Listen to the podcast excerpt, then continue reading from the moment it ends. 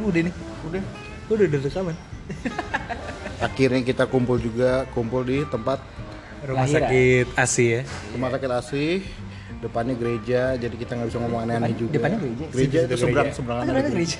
Ada sebenarnya depannya sih ini sih sampingnya lah Mohon maaf kita warga proletar Bekasi nggak Iya. tahu sih dari dari Jaksel.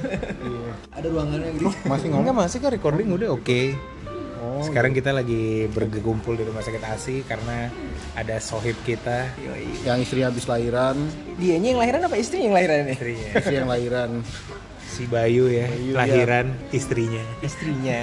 nah, nama anak belakangnya pakai nama saya saya juga bingung ini kenapa Kayak- kayaknya ada ini deh, kayak, Bayu kayak ada Sena. gitu. andil.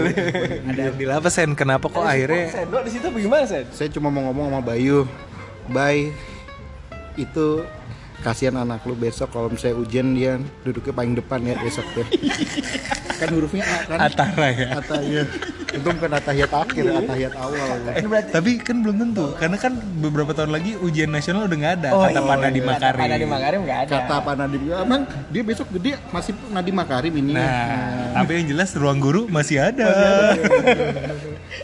Nggak. Yaudah Iya. Ya besok bikin aja di startup ruang BK ya, oke.